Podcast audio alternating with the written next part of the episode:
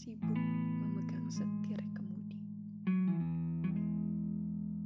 Sementara tangan kanan menyeka air mata yang mengalir tak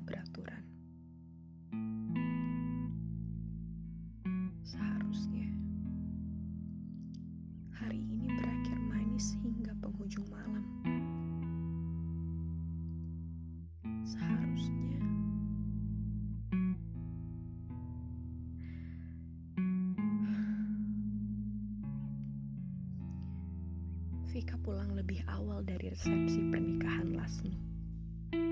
Bahkan, seorang sakti pun tidak mampu menahan kehadiran Vika agar bersama sakti lebih lama lagi.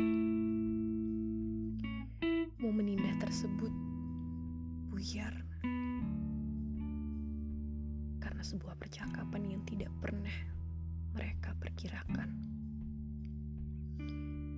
Vika pun mencoba mengingat kembali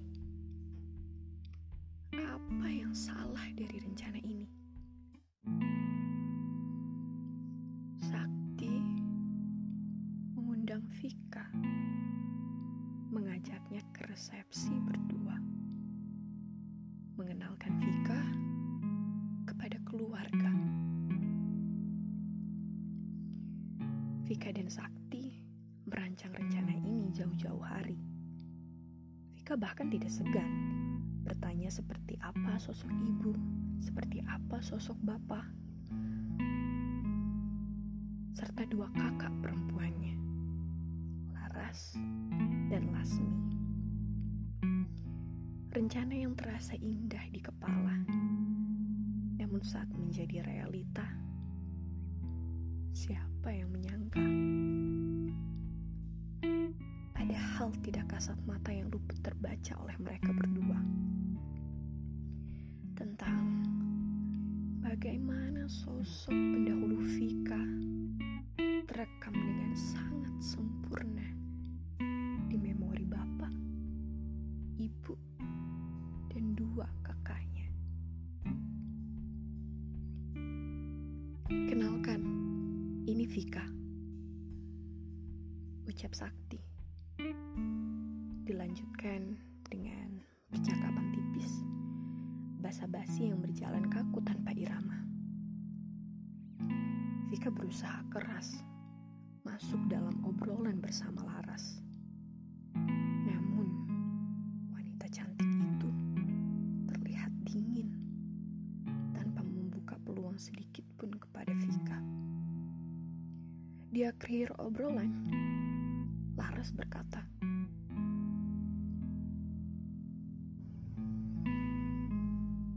Sakti mah orangnya memang asik. Jadi nikmatin aja, Vik. Bentar lagi juga Sakti bosan. Yang dulu-dulu kan juga gitu. Satu hantaman. Vika coba tahan. Memang kita perlu berulang kali salah sih.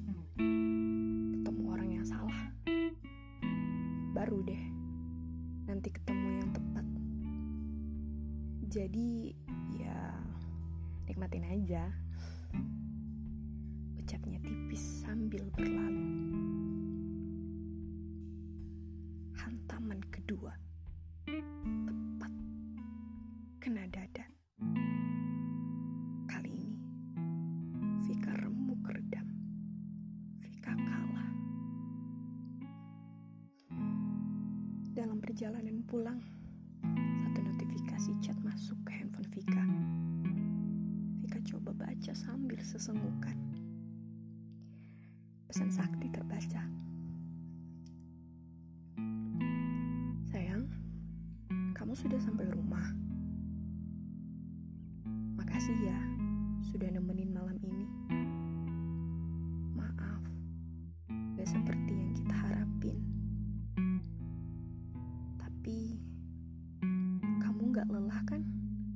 Berjuang bareng. Malam sayang.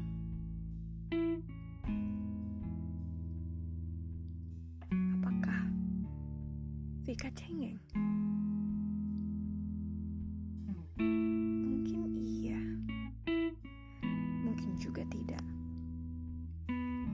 Mungkin kerikilnya yang terlalu terjal mereka yang terlalu dini berlari. Mungkin harus mundur untuk mengalah. Atau entahlah. Yang Vika pikirkan saat ini hanya mandi, merebahkan kepala, dan memikirkan rencana selanjutnya.